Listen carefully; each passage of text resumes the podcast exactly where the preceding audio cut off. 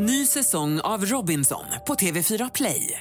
Hetta, storm, hunger. Det har hela tiden varit en kamp. Nu är det blod och tårar. Fan händer just nu. Det. Detta är inte okej. Robinson 2024, nu fucking kör vi! Streama söndag på TV4 Play. Du lyssnar på poddversionen av Senaste nytt från Expressen TV. God morgon, hjärtligt välkomna hit till senaste nytt. Det är torsdag, det är den 31 januari. Imorgon så är det alltså äntligen dags för den andra månaden det här året. Jag heter Ylva Johansson. Och jag heter Jenny Pierrot. Det har blivit dags för nyheter och eh, ja, det här är våra rubriker. Man skjuten till döds i Jakobsberg. Två personer jagas. Och det heter det till ordentligt under årets första partiledardebatt.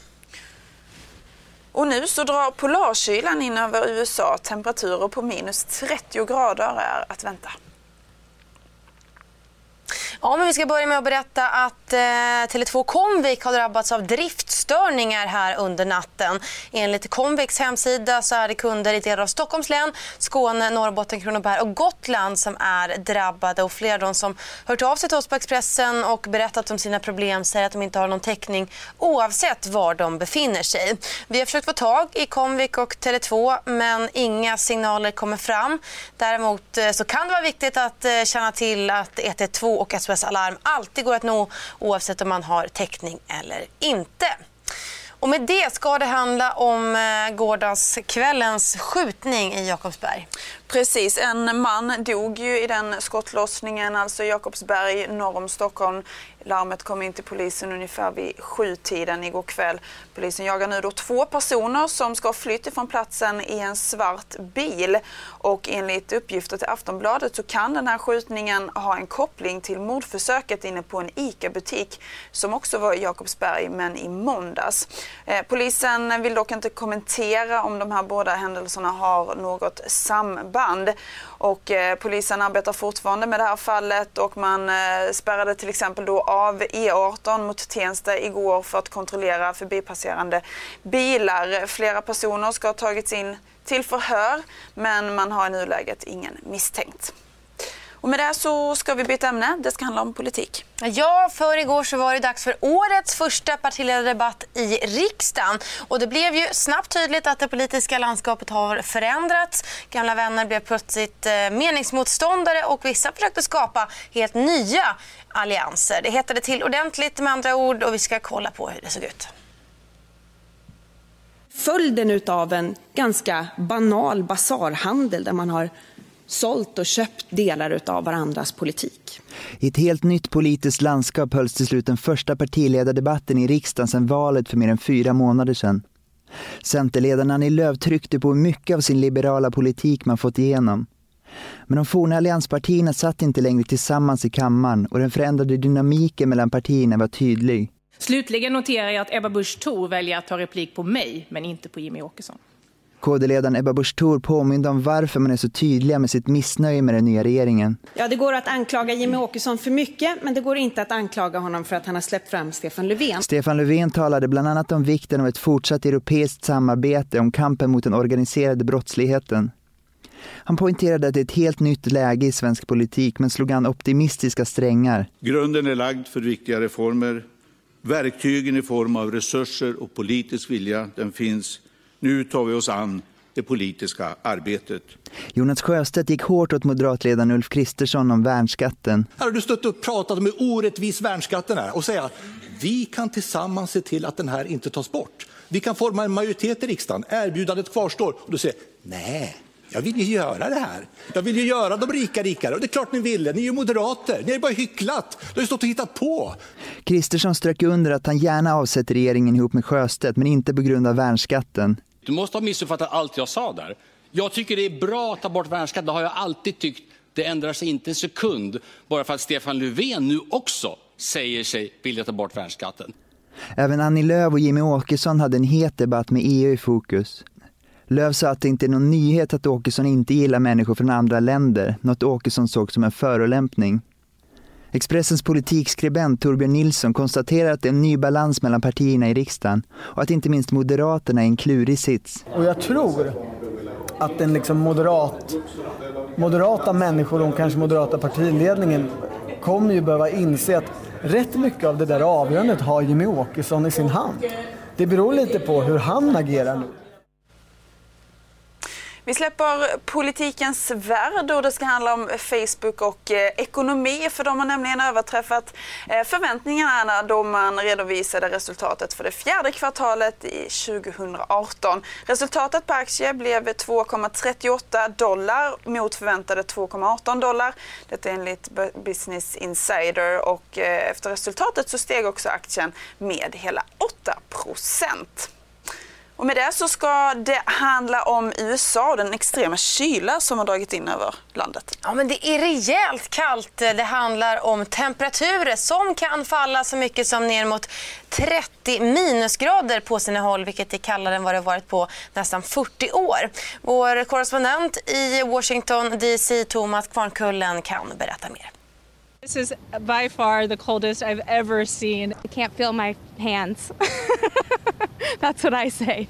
It's unbearable and it's, it's dangerous. Minus 33 i Chicago, det kan man då jämföra med det köldrekord man har i staden från 1980-talet. Eh, det här får konsekvenser för många människor. Eh, I flera delstater så har myndigheterna utlyst eh, nödtillstånd. Man har stängt vissa myndigheter, man har stängt skolor. These conditions are and can be life threatening.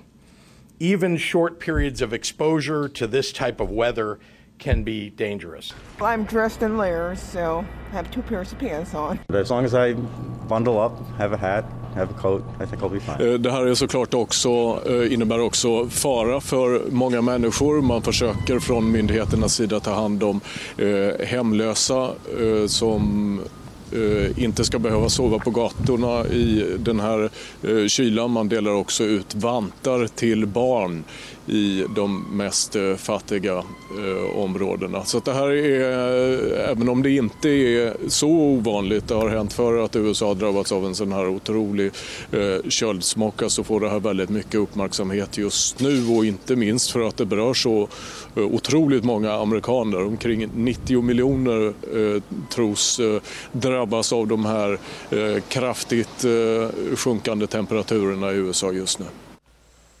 Mm, hittills så har sex dödsfall som kopplas till den här polarstilen rapporterats in. Enligt CBS News i Chicago så kan temperaturerna nå ner till minus 33 under morgonen idag. Det är ju rejält kallt, skolor har stängt och flyg är försenade.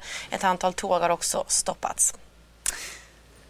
Med det så går vi till ett annat land. Ja, det gör vi. Vi ska till Venezuela som vi har rapporterat en hel del om oroligheterna där i landet. Och nu så vill Mexiko och Spanien råda bot på situationen. Detta genom att uppmana till samtal mellan eh, president Nicolás Maduro och oppositionsledaren Juan Guaidó som ju båda ser sig som Venezuelas rättmätige president. Igår så samlades eh, tusentals människor på Venezuelas gator för demonstrationer mot eh, president Maduro ännu en gång, alltså det rapporterar AFP. Man uppmanade militären att överge presidenten och att tillåta att eh, humanitärt stöd släpps in i landet. Yes, tension remains high in the street of Caracas after yet another day of protest against Nicolas Maduro and his government. And it's already more than a week that Juan Guaido, the president of the Venezuelan parliament, swore himself in as acting president of Venezuela, uh, triggering the constitutional crisis and the political stalemate that we're seeing now, the power tussle, this dramatic power tussle that is happening right now in Caracas. And both leaders, both Nicolas Maduro and Juan Guaido, reiterated the calls for dialogue, and they both said that they're ready to, uh, they're open to talk and speak to avoid the most dramatic end to the stalemate and to avoid an armed escalation in the streets of Venezuela but neither of them is ready to concede anything that the other the other opponent is uh, is demanding.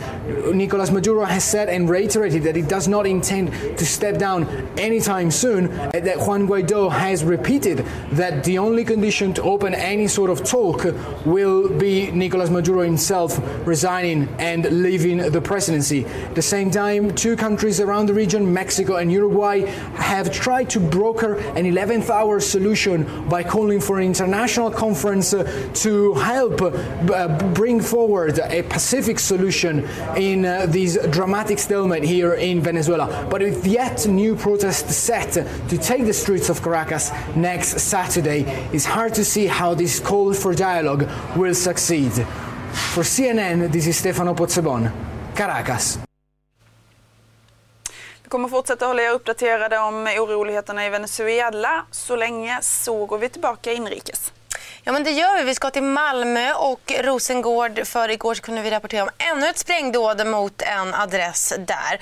Ingen skadades vid den här händelsen, men så tidigt som i våras så kom det ju eh, rapporter om två skottlossningar på kort tid mot samma lägenhet. Kvällsposten har nu tagit en närmare titt på landets kanske farligaste trappuppgång. Skottlossning mot en lägenhet på Hårdsväg. Ny skottlossning mot samma bostad och lägg därefter på en explosion på lägenhetens balkong. Ja, tre gånger på mindre än ett år har samma lägenhet i Rosengård attackerats. Det senaste inträffade i tisdags kväll och några boende i området känner sig rädda. Men andra, som paret Rasmussen, berättar att de aldrig känt sig otrygga. Enligt källor till Kvällsposten är en teori att sprängningen i tisdags kan kopplas till en skjutning i Malmö där den som höll i vapnet friades. Polisen har också genomfört flera tillslag i Malmö men vill inte i övrigt kommentera insatserna. Ja, med det hörni så ska vi avrunda den här nyhetssändningen. Mer har ni löpande under dagen på Expressen TV. Du har lyssnat på poddversionen av Senaste nytt från Expressen TV. Ansvarig utgivare är Thomas Mattsson. Ett poddtips från Podplay. I podden Något Kaiko garanterar östgötarna Brutti och jag, Davva, dig en stor dos skratt. Där följer jag pladask för köttätandet igen. Man är lite som en jävla vampyr. Man har fått lite blodsmak och då måste man ha mer. Udda spaningar, fängslande anekdoter och en och annan arg rant. Jag måste ha mitt kaffe på morgonen för annars är jag ingen trevlig människa. Då är du ingen trevlig människa, punkt. Något Kaiko, hör du på Podplay. Därför är gardinerna.